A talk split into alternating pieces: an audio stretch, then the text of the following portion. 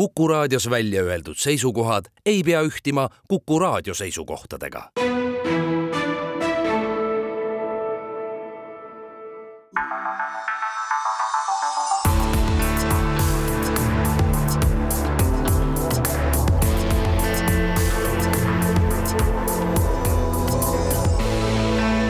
olukorrast ajakirjanduses pärastlõuna, kuuendal novembril Kuku raadio stuudios on kaks vanameest, viinavaabrik on endiselt meie kõrval. Äh, hägune vedelik minu ja Reinu joogiklaasis siin Kuku raadio stuudio laual on tegelikult Pärna õie Demeega, et et kui uuriv ajakirjandus tahaks siis eh, selle asjaga tegeleda ja kirjutada sellest lõputuid artikleid, siis, siis ütleme neile kohe ära, et võtsime selle termosega kaasa. räägime möödunud nädalal ajakirjandusest ilmunust ja, ja ega ei teagi, kust otsast alustada, kas alustame rahupüüdlustest, räägime riigikapitalismist või siis äh, arutleme selle üle, kas Eesti kodanikud on või ei ole kauplemise objekt et ma ei tea, mida ütelda rahupüüdluste kohta, et, et meil on ju tegelikult see olukord, et kus kus, kuhu telekanalisse ka ei vaata, Ukraina on pildilt kadunud ja Iisrael ja Gaza sektor on selle asemele tulnud, et mida sellest arvata võiks? Paar nädalat tagasi mul jäi silma üks analüüs ja kui ma ei eksi, siis pärines see analüüs Ameerika Ühendriikidest, kus siis äh, targad pead olid, mõtlesid selle üle, mis hakkab juhtuma peale seda, kui Hamasi terroristid ründasid Iisraeli. ja seal oli kaks olulist punkti, mis oli nende ennustus. üks oli see, et Ukraina sõda jääb oma uudisväärtuselt selgelt äh, tahaplaanile, kuna Lähis-Idas toimuv vallutab kõikide ajakirjandusväljaannete ja ka ajakirjanike meeled ja keeled. et Ukrainas on mingi väike sõda Euroopas. väike Las sõda Euroopas, mis tuleb sellega. tavaliselt ikka ette, eks ole ja teine oluline äh, nende ennustus oli siis see, kuidas, mis on need narratiivid, mida Kremlist asutata, asutakse üle terve maailma levitama ja see järjekord oli, kui ma nüüd õigesti mäletan, umbes selline. esimene oli see, et Ukraina pealetung on ebaõnnestunud ja vääramatult Ukraina sõja kaotab ja parem oleks, kui ta aktsepteeriks külmi fakte kohe. Nüüd läks nädal mööda, keegi Dmitri Peskov ütles selle mõtte omaenda häälega ka BBC-s välja seda on kirjutanud nüüd maailma ajakirjanduses ka juhtivad väljaanded juba pikemat aega, et ju vist ikka nii läheb, ühesõnaga see narratiiv on tööle hakanud. no ära sa muidugi seda Peskovi alati niimoodi kuula, et meil oli kunagi üks politoloog, et kelle arvamusi tuli võtta nagu täpselt sada kaheksakümmend protsenti nagu tuli ümber keerata, siis me teadsime, kuidas tõde on, et, et Peskoviga on sama lugu, kui ta ütleb, et Ukraina vastupealetung ebaõnnestub, eks ju, siis see tähendab, et, et läheb päris hästi. kui ta ütleb, et on olemas üks ennast Putin, eks ju, siis Jaapani spetsialistid võtavad tehisintellekti abiks ja, ja on leidnud ka selliseid Putineid, kelle kokkulangevus päris Putiniga on neliteist protsenti ja hääl pole üldse sarnane. kui see nii oleks, kui see nii oleks, teine narratiiv, mida ennustati, et hakatakse kasutama, oli see, et lääne ühiskond on tegelikult keskelt lõhki et Ukrainat enam ei toetata sellises ulatuses, nagu seda seni on tehtud ja progressiivsed Euroopa maksumaksjad hakkavad nõudma oma valitsuselt rahupüüdlusi. jällegi ennustus analüütikute puhul oli võrdlemisi täpne. no rahupüüdlusi oleme me nagu näinud, me tegelikult oleme näinud äh, avalikke pöördumisi, mis kutsuvad rahule nii Lähis-Idas kui avalikke pöördumisi, mis kutsuvad rahu, rahule Ukraina konfliktis, nimetame seda siis Ukraina konflikti külmutamiseks või kuidas, kuidas aga vaata, seal on nagu üks oluline konks, eks ole, kui me vaatame nüüd seda Vene šovinistlikku narratiivi, mida Kremlist paisatakse maailma ju igal hommikul noh, kamaluga, eks ole mis seisneb ju selles, et Püha Venemaa, kolmas Rooma peab leppimatut võitlust fašismiga, maailma tuleviku, uue maailmakorra nimel, kõik on väga ilus, no ütleme, et meie seda, oleme uus ära valitud rahvas, eks ju. seda möla muidugi väga muidugi... palju ei usuta, oleme ausad. nüüd, et iga mõju tekitab vastumõju. nüüd see peale seda Lähis-Ida plahvatust on tekkinud ju uus huvitav Lääne-Euroopa liikumine ja see on nüüd pealkirjaga siis Jõest mereni. Mille sisu on ju tegelikult noh, ütleme päris pöörane, eks ole, mis nõuab juudi riigi hävitamist, eks ole. no see on ikka puhtalt Hamasi loosung, eks ju, mida on võib-olla, ma ei, ma ei julge nagu öelda, et kas nagu ideoloogiliselt läbimõeldud võetud nagu seda päris üheselt kasutusele, aga, aga seda, et meil on nagu üha, üha rohkem räägitud koloniaallikest vabanemisest, eks ju niimoodi Palestiina probleemi juures, et see minu meelest ikkagi näitab seda, et meil see üldine haridustase selles küsimuses ei ole mitte kõige parem ja, ja tõepoolest äh, seda on näidanud ka need mitmed avalikud, avalikud ühispöördumised, et tegelikult, et kui eelmisel nädalal me rääkisime ühest ühispöördumisest, mille kohta Meelis Oidsalu kirjutas, et tantsukunstniku arvamust Lähis-Ida konfliktist ma kuulaks või vaataks pigem nagu tantsuetenduse vormis, mitte nagu, nagu avaliku kirja vormis, siis tegelikult möödunud nädal tõi meile ka avaliku kirja Iisraeli kaitseks, eks ju, kus kutsuti üles inimesi seisma vastu väärinformatsiooni levitamise selles küsimuses. aga ära nüüd ikkagi alahinda tegelikult seda seda nagu, seda vasak seda on isegi võimatu defineerida, kust see tuleb. jah, sa ära solva aga, vasakpoolseid ära solva vasakpoolseid jah, aga võtame, et sellega on ju kaasa läinud väga suur osa sellisest vasakintellektuaalidest nii Lääne-Euroopas kui ka Ameerika Ühendriikides. isegi Harvardi ülikool on hädas, sest Harvardi ülikoolis levib liikumine Palestiina toetamiseks, mille tulemusena selle ülikooli suured sponsorid on andnud on, ülikoolile teada, et andke andeks, aga me selle jaoks raha teile ei anna. mille tulemusena ülikool satub väga suurtesse raskustesse ja see on Harvard. Nüüd ei maksa ju unustada, et eelmine leiboristide liider Jeremy Corbyn oli ju patoloogiline Palestiina toetaja ja alati rääkis seda, et Hamasil on ajalooliselt õigus olla juutide peale vihane ja käituda ka juutide suhtes terroristlikult. no me mäletame ka seda, et, et ÜRO peasekretär ühel mõni nädal tagasi ütles välja, et see kõik ei ole toimunud vaakumis ja, ja kutsudes nõnda esile Iisraeli väga tugeva pahameele. no vot, ega, aga nüüd me katsume seda kuidagimoodi modelleerida nüüd Eestisse, eks ole et kui rahvusvaheline ajakirjandus, osa sellest on asunud selline, noh, ütleme matrossovlikult kaitsma Hamasi, siis miks näiteks Eestis ei võiks äh, läbi lüüa selle narratiiviga, et ajalooline õiglus on tegelikult ikkagi ju Saksa vastu. kes olid siis need Saksa röövvallutajad, kes risti ja mõõgaga tulid kolmeteistkümnendal sajandil ja meie ilusa taarausku pesakese siin laiaks lõid et võiks ju hakata samamoodi tegelikult rääkima, et ajalooline õiglus on tegelikult konfiskeerida kõik sakslaste omand ja, ja jagada see taas laiali Eesti talupoegadele no,. mina oleksin väga ettevaatlik igasuguste selliste nagu tagasipöördumistega väga, väga kaugetesse aegadesse, seda oma juttu põimides võib sattuda ikka täielikku ummikseisu, sellepärast et isegi Venemaa president on läinud nädalal äh, avalikult äh, rääkides Aleksander Nevski külaskäigust äh, Kultordikaani juurde, eks niimoodi sattunud keerulisse olukorda, sest et äh, ka Venemaa avalikkus on tõmmanud täiesti selge paralleeli praegu siis Nevski omaaegse põlvitamisega ja, ja palumisega ja, ja Putini ning Hiina, Hiina presidendi nagu visi, visiidi vahele ja, ja, ja öeldud, et Putin äh, sooritab samasugust reetmist nagu Aleksander Nevski omal ajal. ja aga vaata, see laiem küsimus on tegelikult, kas ajakirjandus otsib tõde või muutub ühe või teise sellise poliitilise jõu käepikenduseks. et no mina näiteks isiklikult ei kahtle, et Hamasi rünnaku taga on Iraan ja sedakaudu tõenäoliselt ka Vene eriteenistused sest üksinda Hamas sellest Gaza sektorist sellist võimekust ei oma lihtsalt ei ole realistlik. no lihtsalt nüüd on küsimus selles, et kas sellest kahtlusest piisab, et seda umbsõlme lahti arutada?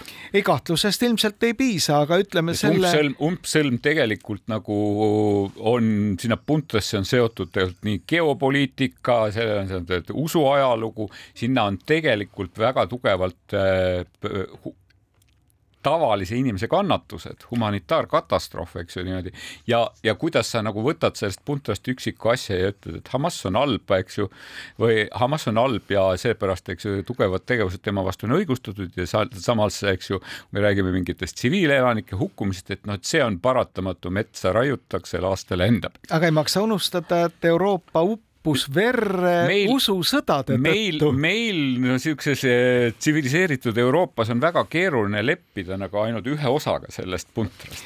ja aga vaata see eh, ikkagi see võtmekoht on tegelikult selles, kas ajakirjandus jääb nagu objektiivseks, kas ta suudab oma lugejaid ja vaatajaid ja kuulajaid informeerida ja otsida tõde. ega neid alati ei, ei õnnestu ajakirjandusel tõde kuulutada, sellepärast ta ise langeb mingisuguste operatsioonide ohvriks või läheb asi niimoodi, nagu läks Ameerika Ühendriikides peale Trumpi võitu, et suured korporatsioonid, meediakorporatsioonid jagunesid kaheks.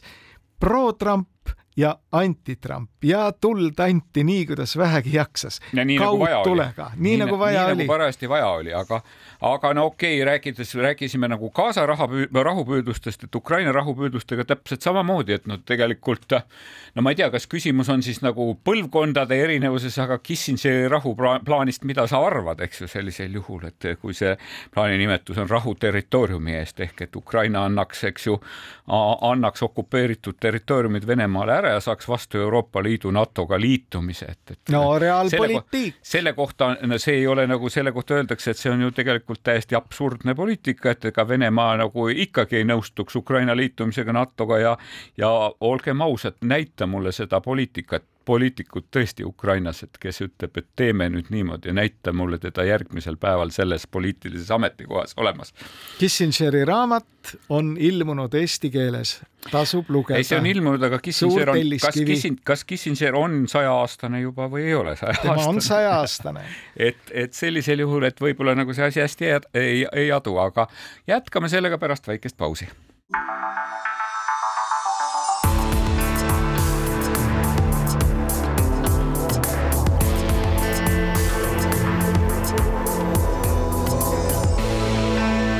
Olukorrast ajakirjanduses.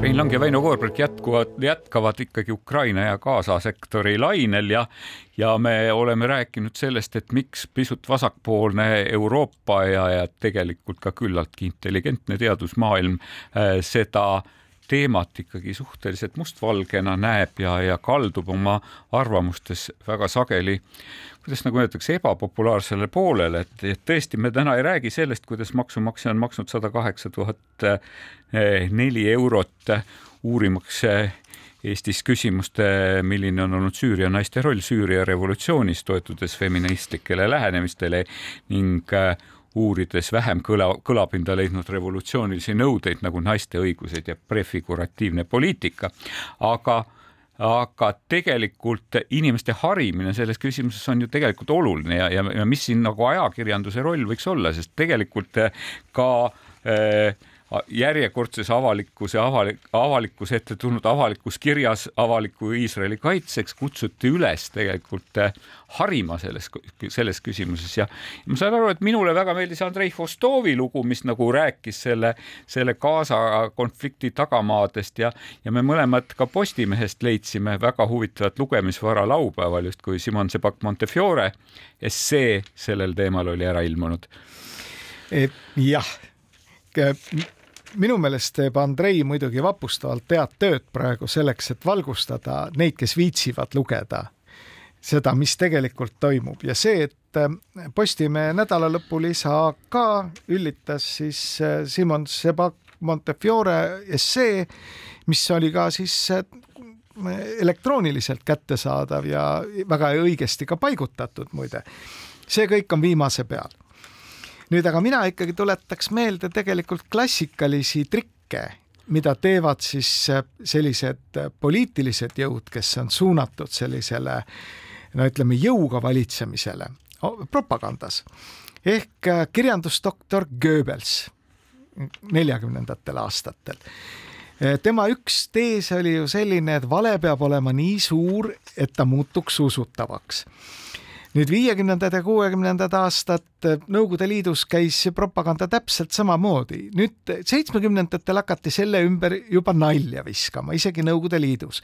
no Ukra... interneti ajastul öeldakse ka seda, et vale jõuab kolm tiiru ümber maakerada, enne kui tõde püksid jalga saab. absoluutselt, aga tuletame meelde sellist Ukrainas, ma ei tea, kas ta täna enam ilmub, aga Nõukogude ajal oli üks sädelevamaid satiiri ja huumori ajakirju oli Ukrainas ilmunud Ragai Kapõta Kiievis ilmus. sarved ja sõrad. sarved ja sõrad, ma olen alati tsiteerinud neid nalju, need olid täiesti hiilgavad, need Odessa juutide naljad.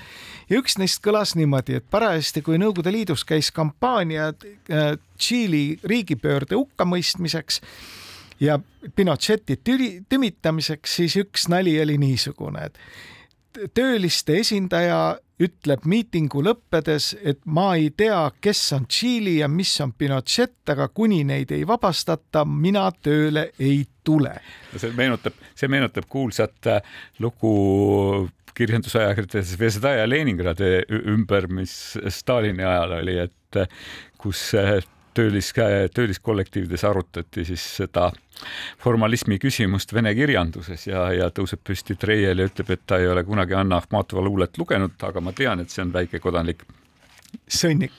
okei okay,, ütleme ja. viisakalt jah ja, ta kasutas viisak., ta kasutas, ta kasutas värviga, värvikans, et kas nagu küsin, et me, et kas siis põhjus võib olla selles, et ma ei tea, kes on Gaza ja mis on Iisrael ega, aga ta niimoodi ta ju täna või lähebki. on küsimus ikkagi selles, et, et ühtepidi on äh, väga värvikad narratiivid tegelikult ütleme ka niimoodi, Palestiinal on õnnestunud nagu nende esimeste värviliste piltidega tulla. Need pildid on teinud kolm tiiru ümber maakera, enne kui Iisrael on saanud oma tõel püksid jalga ja, ja noh, täpselt me meenutame sedasama haigla pommitamist, eks ju, selleks hetkeks, kui jõudis, kui jõudis avalikkuseni see pilt parkimisplatsist, kus oli asfaldi sees väike täke, mida neid Tallinna linnatänavatelgi leida võib, eks ju niimoodi, et seni oli tegelikult narratiiv seal väljakul hukkunud, purust, maani purustatud haiglast ja, ja seal hukkunud äh, sadadest, et mitte öelda tuhandetest inimestest kolm tiiru maakera peale teinud. jah, ja kõikides Lähis-Ida pealinnades toimusid tuhandete inimestega meeleavaldused, eks ole. noh, me mäletame, me mäletame tegelikult, et noh, Ukraina konfliktis täpselt sama see legend äh, risti löödud poisikesest kusagil teadete tahvlile risti löödud poisikesest, eks ju, mis nagu tekitas väga tugevat, väga tugevat survejõudu, eks ju, Ukraina vastu tegutsemiseks. Ja selgus, et oli täielik väljamõeldis ja seda tunnistasid ka Vene ajakirjanikud pärast, aga see jõuab siiamaani, eks ju, üheksa-kümme aastat hiljem jõuab see siia siiamaani kellegi argumentide laua peal. aga kusagil ju ikkagi toodetakse neid materjale, eks ole, mis siis teevad maakerale kolm tiiru peale, enne kui tõde püksid jalga saab ja see omakorda toodab siis neid kõikvõimalikke avaldusi kaasa rahumeelsete elanike kaitseks ja jumal teab veel, mis asju. no rahuarmastusest näitas isegi Levada keskuse küsitlus, et nad tegid sotsioloogilise uurimise, et kuidas, mis näitas seda et, et seitsekümmend protsenti venemaalasi toetaks rahu Ukrainaga. mäletan isegi president Putin oma kõnedesse põimis toredaid lauseid selle kohta, et kuidas me väga tahaksime rahu, me tahaks sellist rahu, et kivi jääks kivi peale, aga kahjuks Ukraina sellist rahu ei taha, et, et seda no, kasutatakse väga strateegilise nagu võttena. meenutame jällegi neid nõukogudeaegseid anekdoote, eks ole, kui Leonid Brežnev pani endale järjekordse ordeni rinda ja kobises endamisi, et mõisa Mir, siis alati need Odessa hambatohtrid panid sinna juurde lause teise poole, Mir, eks ole, kogu maailma eest. no et... nii, aga väike soovitus ajakirjandusel, mis siis nüüd on, et? No ikka on see, et tuleb ära tunda kuidagimoodi need Vene infooperatsioonid. täna Kalev Stoicescu kirjutab, et käimas on massiivne infooperatsioon Lääne-Euroopas mina täiesti ühinen temaga, ma arvan, et tegelikult need Vene instituudid, kus töötavad sajad ja tuhanded inimesed, kes, kelle tööülesannete hulka ja mitte väikese palga eest kuulub siis nende narratiivide nii tootmine kui nende levitamine, on täna töötavad kakskümmend neli tundi ööpäevas no,. küllap need ei ole ainult ka Vene narratiivid, need on tõepoolest ka Palestiina enda narratiivid, need on Hamasi narratiivid, need on, need on Araabia maailma narratiivid, need on Iraani narratiivid, eks ju. kusjuures nagu... huvid lähevad väga ilusti siin jah, kokku, eks huvid, ole. huvid, huvid lähevad kokku, et äh, selles ja ärme osas... kunagi unusta, et ka Hiinas on ju olemas ikkagi väga võimas propagandateenistus ja vaatame, kuhu siis see ühel hetkel hakkab kalduma nii et vot äh, kindral Terras ütles Ukraina stuudios äh, ajakirjaniku küsimusele vastates, et kui nüüd peaks juhtuma see kõige hullem, et Ukraina sõja kaotab, siis kolmas maailmasõda tuleb lähemale.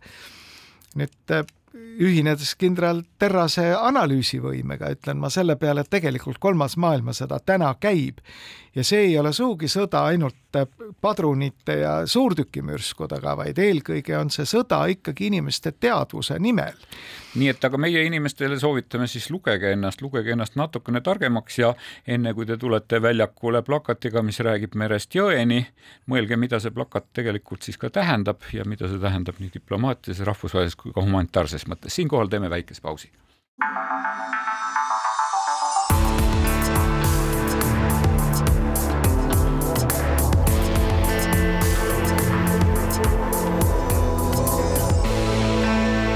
Olukorrast ajakirjanduses.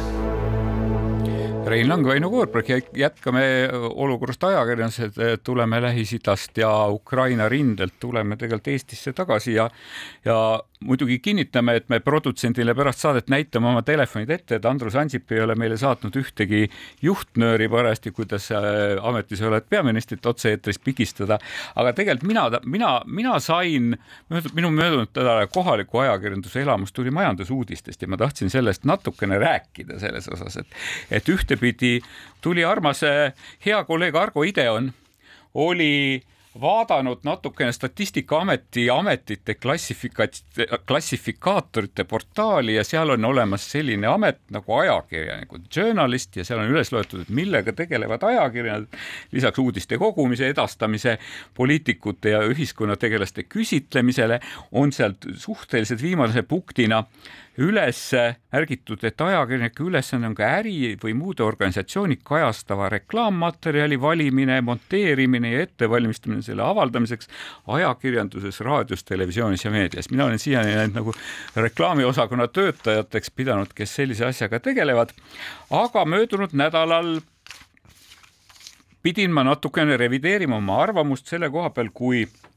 lugesin mina uudiseid Postimees Grupi majandusaasta tulu, tulemustest. ja selles mõttes, et esimene hetk oli päris tore, sain BNS-ilt uudise, mille pealkiri ütles, et Postimees Grupi tulud kasvasid üheksa protsenti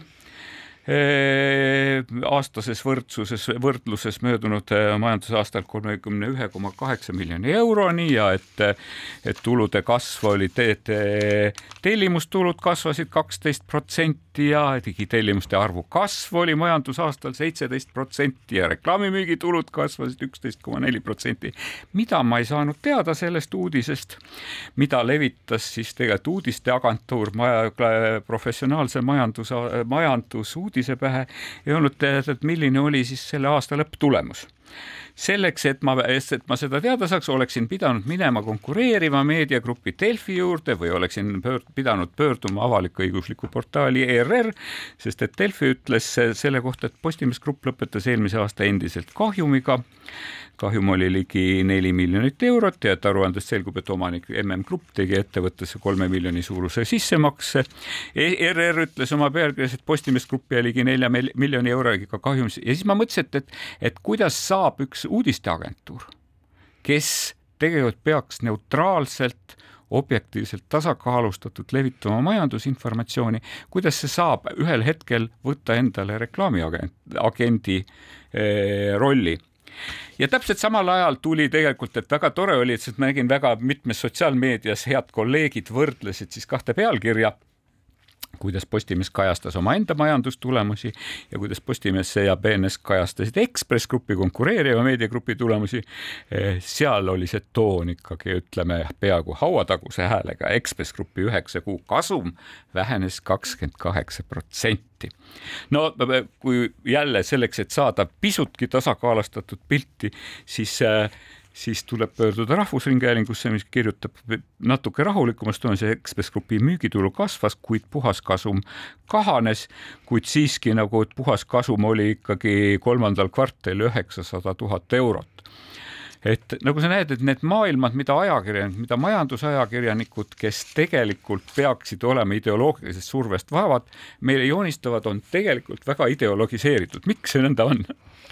see kui mina, ma pöörasin samale asjale muide tähelepanu ja tekkis tahtmine öelda nagu BNS-i meestele, et kuulge, proovige nüüd ikka olla et äh, sul on päris ilus võrdlus selle kohta, et mis siis juhtub, kui Jeff Bezosel on mingi jama, kas siis äh, sõnastab ei, New on... York Times? ei, New York Times on väga nagu ette, tegelikult ma mäletan, et Jeff Bezose ja New York Timesi nagu emaettevõttega oli jama ja, ja siis tegelikult ka, ka New York Timesi ajakirjanikud tegid sellele eraldi sektsiooni, kus nad ikkagi deklareerisid enda tegevust ajakirjanikena, mitte Jeff Bezose palga palgatööliste ja alluvatena, kes räägivad seda, mida, mida, mida vaja on, mitte, mitte ei teeni any, kuidas see any news fit to print, eks ju, tähendab, et iga uudis, mis on väärt seda, et ära trükkida. aga vaata, Väino, kas sulle ei tundu, et tegelikult see jutt natuke korreleerub nagu selle meie eelmise jutuga,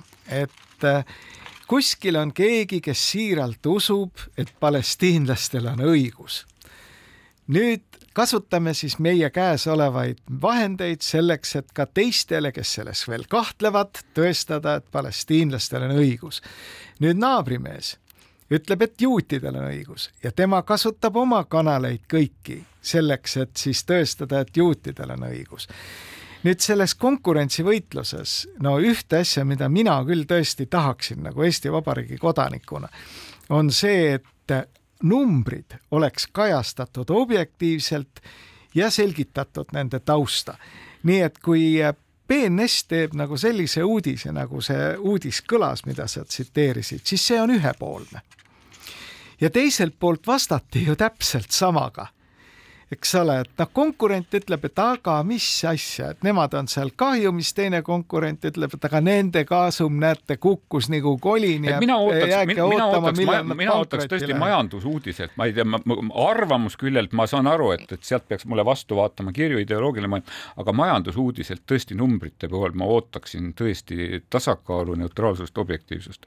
ja, ja kui aga... ma seda, kui ma seda ei leia, siis kas ma saan edaspidi usaldada noh, mis tahes börsiülevaadet, ülevaadet, kas ma saan edaspidi üle, usaldada mis tahes lugu, mis, mis tahes eh, äriettevõtte tegevusest just nendel külgedel, et, et austatud ajakirjanik, ärge saagige seda oksa, mille, mille peal te ise istute. noh, täpselt, sul on täiesti et, õigus et, siin. et, et minu, et sõnum ei olnud, et, et ma arvan siiski, et majandusküljel ei pea parastama nagu ühelgi, et see ei ole nagu see ärapanemise koht isegi nagu veebiajakirjanduses, et pea, majandus, ajandus, ajakirjandus on minu meelest nagu ikkagi niisugune pisut raamatupidamine südameslik.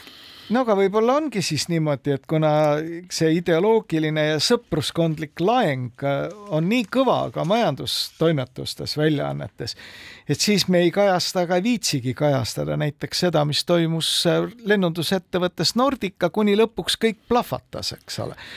Et äh, minu meelest ei saa sellist Nordica protsessi juhtuda sellises õhustikus, kus on olemas tugev majandusajakirjandus kes hoiab kogu aeg silma peal ka riigiettevõtetes toimuval.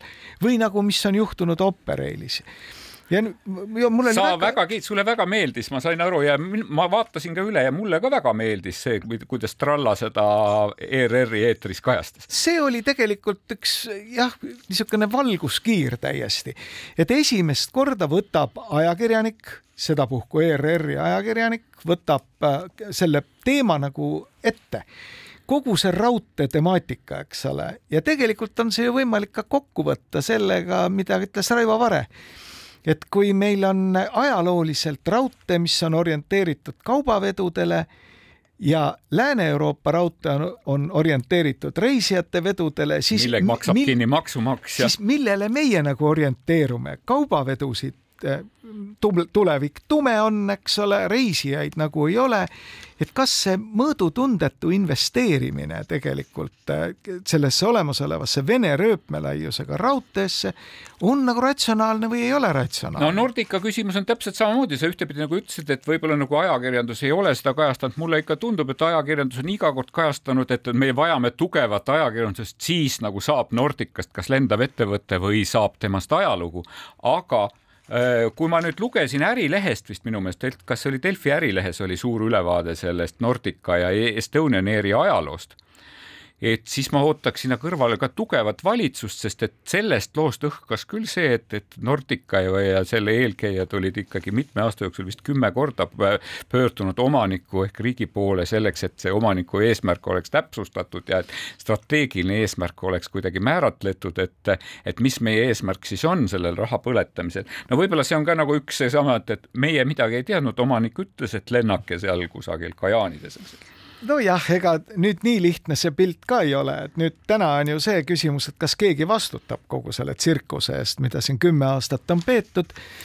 aga mingid inimesed on ju saanud palka ja mitte vähe, eks ole, selle aja, osa neist on nüüd parlamenti purjetanud ja mitte väikese häälesaagiga, eks ja selles süüdlaste otsimise käigus nüüd üritavad kõik osapooled ju ennast distantseerida sellest asjast. ei, meie ei teadnud midagi. aga kuidas saab öelda, et mina ei tea mitte midagi, kui on vastu näidata näiteks ajalehe juhtkiri, eks ole, et kuulge, sõbrad, teil on need ja need numbrid ja need numbrid peaksid tõesti olema mitte siis laetud sellest äh, nagu sõprussidemest. ärileht nagu... oli muidugi teinud oma loo Riigikontrolli nagu analüüsi põhjal. ma sain aru, et ka Riigikontroll nagu sinna, sinna Nordica potti vaadates tagantjärele ei leidnud vastuseid, ei leidnud ka enam nagu andmeid. ei no osa andmeid, dokumentegi on kadunud. osa dokumente ja andmeid kahjumite kohta, aga teisipidi tõepoolest mulle jäi mulje, et kogu aeg oli see selline teema, et ah, et mis me sellega ikka tegeleme, see pole mingi raha ja, ja teisipidi mind näiteks väga häirib see, et ma ei, ma, ma saan küll aru, et, et ka ajakirjandus valdavalt, teinekord kaine mõistus soovitab midagi muud, et aga argument äriasjadest nüüd, kus me nii palju kahju oleme saanud, ei saa me seda asja ometi pooleli jätta.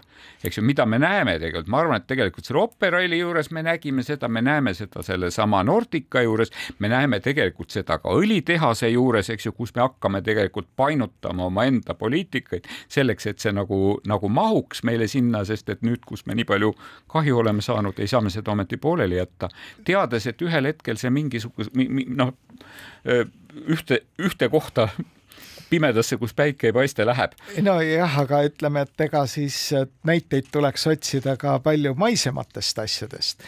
ega siis Rahvusraamatukogus löödi maja kinni ja pandi kraana püsti nii, et väga paljud inimesed teadsid väga hästi, et selle raha eest, mis on planeeritud, seda korda ei saa tähtis oli kraana püsti saada, sest siis enam pooleli jätta ei ole võimalik. no olgem ausad, mulle tundub, et ka suur osa Eesti, Eesti Vabariigi eelarvest on tehtud eeldusel, et majandus kasvab ju lõputult, eks ju, ja sellepärast, eks ju, saab anda valimislubadusi, saab teha öö, uusi poliitikaid ja nii edasi. noh, eelarvenumbrid pärast selgub, ei olnudki nii väga valed, aga vaatame praegu seda protsessi, et kui me oleme seda oma saates ka mitu korda öelnud, et täna üritatakse meile kõigile müüa seda juttu, et ERR-i uus maja seal uudistemaja ja uue raadiomaja vahel maksab kuuskümmend miljonit. no see projekt, mida on ju ajalehes võimalik olnud vaadata, eks ole, ja on ka kirjutatud, kui palju seal pinda on, mis see ruumala on, numbrid ei lähe mitte kuidagimoodi kokku sellega, mis täna ehitushind on Südalinna kultuurikeskus on meil ja seesama õlitehas, eks ju, tähendab, kus me ka oletuslikult arvestame, mis, mis asjad maksma lähevad. aga selle asja nimi ongi häma ja ajakirjanduse ülesanne on see häma tegelikult ära tunda. aga kui ajakirjandus kirjutab sellest, et Rail Baltic nagu sellest ei saa kunagi ennast ära tasuda ka kõikvõimalikke keskkonna ökoloogilisi ja sotsiaalseid mõjusid arvestades, kui nendele panna rahanumber ja korrutada seda kuuega, eks ju, siis mis siis edasi peaks järgnema? kas edasi, edasi peaks järgnema see, et ajakirjandus kirjutab sellest lõputult või edasi peaks ikkagi järgima, järgnema ka mingisugused poliitilised otsused? vaat Rail Balticu puhul on olukord minu meelest natukene teine oluline, sest Rail Balticu puhul on erinevaid analüüse hästi palju, kus on erinevad numbrid ja lõpuks taandub see nüüd sellele, et kelle argumendid ja kelle numbrid on täpsemad, eks ole. ja seda ajakirjandus on, on kajastanud, ei saa öelda, et Rail Balticu puhul meil debatti poleks olnud. siin jagunevad ajakirjandusväljaanded väga selgelt kahte erinevasse äh, klassi ühed, kes on väga kriitilised selle projekti suhtes ja teised, kes on pigem seda nagu toetavad. aga seal on olemas erinevad analüüsid, erinevad argumendid. nüüd, mis puutub sellesse teise raudteesse, sellesse nõukogudeaegsesse raudteesse, siis seal nüüd ülearu palju neid analüüse pole vähemalt mina ajakirjandusest üles leidnud. nüüd Tralla tegelikult esimest korda viskas selle küsimuse nagu lihtsalt, lihtsas keeles rahva ette. nüüd ma tahaks loota, et hakkab tulema ka neid analüüse veidi rohkem nüüd, mis lennundusse puutub, siis siin oli ikka ühel pool selgelt selline äärmine populism, kes rääkis vajadusest tagada eestlastele võimalused otse sõita Londonisse, Pariisi no,, New Yorki ja, ja Brüsselisse. ja teisel pool olid siis niisugused üksikud hääled, kes ütlesid, et kuulge, vennad, ärge nüüd jamage, et tegelikult, et me ei ole kunagi suutelised võistlema ei Rail Balticuga, rääkimata seal Lufthansa ja kellegi teisega. ja põletati raha ikkagi edasi või Operail, mis, mille äriidee oli tegelikult ikkagi puhtalt toimetamine Venemaal ja võeti riskid, mida pärast siis keegi ei julgenud neid rahasid maha kanda ja, ja, ja nii ta läks, nagu öeldakse. aga siinkohal on see ajakirjanduse roll ikkagi väga suur, eriti majandusajakirjanduse roll ja kui sa hakkasid äh, seda saateosa nagu sealt pihta, et kui ajakirjandus ise ei suuda omaenda numbreid osas jääda objektiivseks, vaid üritab siis omaenda tagumikku kaitsta läbi erinevate sõnastuste, siis miks me arvame, et nad teistes asjades on objektiivsed? ja see on nagu probleem. tahaks sulle öelda pipart keele peal, aga teeme väikese pausi.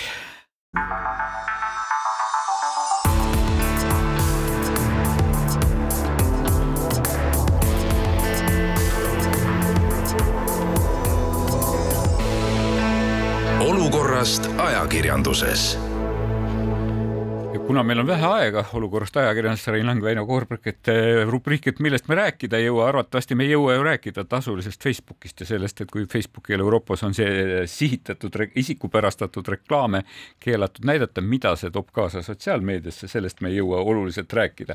me ei jõua tegelikult rääkida ka ka sellest, kuidas Rahandusministeerium ootas muudatusettepanekuid automaksu eelnõule nii armsasti ja kui terve hunnik neid oli laekunud ja osa veel laekumas, eks ju. ja noh, teiste seas eriti armas oli see, kuidas Kultuuriministeerium palus, et nende plärisevate võidusõiduautodele tuleks anda automaksu toetust, sest see ka täidab keskkonnaeesmärke väga hästi, eks ju, nii et siis, siis ütles Rahandusministeeriumi kõrge, kõrge asekantsler, et ega me neid ettepanekuid väga arvestama ei hakka, et me oleme niikuinii juba pidanud tegema poliitilisi kompromisse, et seda automaksu saada ja ja et edasi rohkem me nagu enam kompromisse otsima ei hakka, et et see võib-olla jääb siis edaspidi ajakirjanduse kuidagi töömaile. no ma Ega... si, mina siiski loodan, et muuseumiautosid ei hakata maksustama, et automuuseumite kinnipanemine võiks muidugi olla ka keskkonnameede jah, ega me ei jõu, ega me ju tegelikult vist ei jõua ei kuluhüvitistest, ei Kaja Kallasest rääkida ja isegi mitte Raadio kahe uuest õhtusest vööndist ja uuest pro pro programmist, aga me pidime natukene rääkima teemast, mis sind väga erutas, et eh, Eesti Päevalehes ilmunud loost sellest, kuidas Eesti kaubitseb oma kodanikega, kui poliitilise valuutaga jutt käib siis eh, kahest äh, krüptoärimehest, kes, keda USA-s tõenäoliselt äh, ootaks eluaegne vangistus ees ja keda Eesti on, äh, Eesti valitsus on otsustanud siis USA-le välja anda, et nende üle saaks kohut mõista. Oli... Eesti kodanikud ei ole kauplemisobjekt, kirjutas EPL oma juhtkirjas. see oli muidugi võimas, see oli tõesti võimas, tähendab see narratiiv, mille on välja mõelnud Eesti üks tippadvokaat, kes siis esindab neid kahte härrasmeest, kes Bonsi skeemi on püsti pannud ja tekitanud sellega no ikkagi kolossaalse kahju lihtsameelsetele. et äh, nende advokaat üritab tõkestada väljaandmist USA-le selle narratiiviga, et tegelikult on see mingi diil suure Ameerika ja väikese Eesti vahel, et need pätid antakse USA-le välja ja siis USA kaitseb meid võimaliku aga Vene minul, ründe vastu Re. Rein, et sina oled jurist, kindlasti sa nüüd räägid hetk hiljem mind surnuks, aga minul lihtsalt, lihtsameelsel äh, lehelugejal, raadiokuulajal on ikkagi arusaamatu, et miks nende kahe kodaniku üle meil ei saa kohut mõista, et miks Eesti Vabariik oma enda kodanike üle ei saa Eestis kohut mõista. serverid on paiknenud siin, ju, kusagil või hoopis mingisuguses kolmandas Euroopa Liidu riigis arvatavasti niimoodi äh, väidetavad osa ohvreid osa ohvreid on Eestis, neid on Eestis rohkem üles loetletud kui hetkel Ameerikas ja nii edasi ja nii edasi. eks et, et miks riik nii, riik võiks olla oma kodanikega heas, aga võiks olla oma kodanikega kurjas, et milles see põhiline nagu nõks on? see nõks on selles, et äh, välja antakse juhul, kui on optimaalne ja mõistlik pidada kohut ja viia läbi kohtueelseid toiminguid selles riigis, kus on tõendid ja kahjud. ja meil on ameeriklastega selline leping tehtud juba eelmise sajandi kahekümnendatel aastatel. ja see ei ole sugugi mitte esimene kord, kus on see dilemma, kas anda välja Eesti kodanikud Ameerikasse või mitte. me oleme välja andnud ka igasuguseid küberkurjategijaid ja oleme muide ka väljaandmisest keeldunud kokkuleppel ameeriklastega ja pidanudki nende suhtes kohut Eestis, kuna tõendeid on olnud valdavalt siin ja kohtupidamine ka ökonoomilisest äh, aspektist on olnud mõistlik teha siin. sellisel juhul on ameeriklased andnud oma kogutud tõendid nagu meie kätte. antud juhul on tegemist ikkagi globaalse äriga mille siis džentelmenid välja mõtlesid ja need kahjud on ikkagi reeglina kuskil väljaspool Eestit. Ja ilmselt ameeriklastel on ka tõendeid rohkem, no ütleme, ega ma seda kaasust või peensusteni ei tea. aga antud juhul minul on lihtsalt hea meel, et meid on kuulda võetud. Et seega sedapuhku ei ole mitte õiguskaitselaul olnud ajakirjanduses, vaid nüüd on võetud pendel pandud teise serva ja on üheselt ära trükitud kaitsenarratiiv, no teisi... kes tõkestab kõikide tema kätes olevate vahenditega väljaandmist Ameerika Ühendriikides, sest tema kunded kindlasti leiaksid Ameerikas palju sandimat kohtlemist kui siin Eestis. no vaata, küsimus nagu ongi, et, et minu meelest lähevadki siin vastu olla nagu juriidilise niisuguse pragmaatilised, pragmaatilised argumendid ja teisipidi ikkagi eeldus, et, et kui ma olen ühe riigi kodanik, siis see riik kaitseb mind, eks ju, see riik nagu ei jäta mind ei, ei heas ega halvas nagu keskmises abielus, täpselt niimoodi. ja tõepoolest, et see sinu õigus õigust saada või kohtu alla minna, eks ju niimoodi, on, ei peaks sõltuma valitsuse otsusest, vaid peaks sõltuma siis nagu kohtuotsusest või kohtuniku. no nagu eks ta muide sellest ju. et seda minu meelest, et, et, et, et mina ei lugenud selg välja sellest loost välja selgelt seda narratiivi, et ma lugesin just nagu Kärt Kärt Anvelt, kes oli üks selle loo autoreid, eks ju, oli tõstatanud selle teema, et me ju ometi nagu oleme teinud igasuguseid asju, me oleme siin narkokauplejaid eh, toonud äh, Eh, karistust kandmast, eks ju niimoodi kusagilt mujalt, eks ju sisse. praegu hetkel on näed, et Eesti kohtus võiks selle asja eest saada viis aastat, eks ju niimoodi eeldatavasti selle loo andmetel. Ameerika kohtus ootab seal vist kolmsada aastat või midagi niisugust. no lugu iseenesest ei nüüd objektiivsusele väga ei pretendeeri, et äh, siin ma tajun neid allhoovusi hoopiski kuskilt mujalt aga no vot, see on nüüd, ega Eesti Vabariik ei anna ju oma kodanikke Iraani välja, eks ole, aga Ameerika on ikkagi Venemaale ka praegu maa. hetkel ei anna nii et noh, see siin osas ma arvan, et see ja muide lõppastmes on ikkagi see ju kohtuotsus, kuna seda väljaandmisotsust, mille valitsus on teinud, saab ju kohtus vaidlustada ja hetkel see lugu ongi ju suunatud tegelikult kohtule surve avaldamisena. ehk see mõte ongi selles, et no meie ju kaupleme oma kodanikega, eks ole, suure Ameerikaga. ma saan aru, et asi ootab jama. praegu kahekümnendat kuupäeva, eks ju, millal, millal asi, nii-öelda järelikult ajakirjandus ilmselt hoiab selle silma peal, meie peame hakkama siin otsi kokku tõmbama, mis ma siis saan teha kõigile asjaosalistele, kes ootavad selles küsimuses selgust, õiglust ja õigust saadame tervituslaulu ja see saab olla Venna Turbid ja Ivani palve loomulikult. kohtumiseni. mulle ennusta, ma niikuinii ei usu, kuid need hetked on nii helged. oma vaiksel häälel vesta, et end veidike killõdvaks lasta saaks. Saja teine on mul kaelas, saja teine, saad sa aru, saja teine. Oleks asitõendid selged või kui süü ma võtaks omaks, oleks kogu paugu kaja juba ammu haihtunud õhku ja mu hindamatud kondid oleks ammu juba saanud kodumaaks vaata Špakov juba magab, mis tal viga istub ära oma kümme ja kui koju saab, toob labida ja raha kaevab välja. mõni teine ainult poole eest, sest papist istuks kogu perega. kuid kui minu saavad kinni, siis on krõška, siis ei aita mingid naljad saja teine on mul kaelas, saad sa aru, saja teine, saja teine aga lõpeb verega. aga sina ära sure, ole mees ja istu ära oma kolmeke. olin kuuekümne teisel päris poisike, kui kolmekese sain hiljem seitsmekümne teisel, siis kui seitse sain, ent tahtsin üles puua tuua. aga praegu on see köömes, saja teine on mul kaelas, sajad teisega, kuid iialgi ei tea, kas homset päeva näha võin. mulle ennusta, et peatselt pärast pühi saan amnestiaga välja ja et lennujaama puhvetis saan tuttavaks ma Ladna läsega ja et Leningradi lendame siis koos ja seal kõik möllud mutte.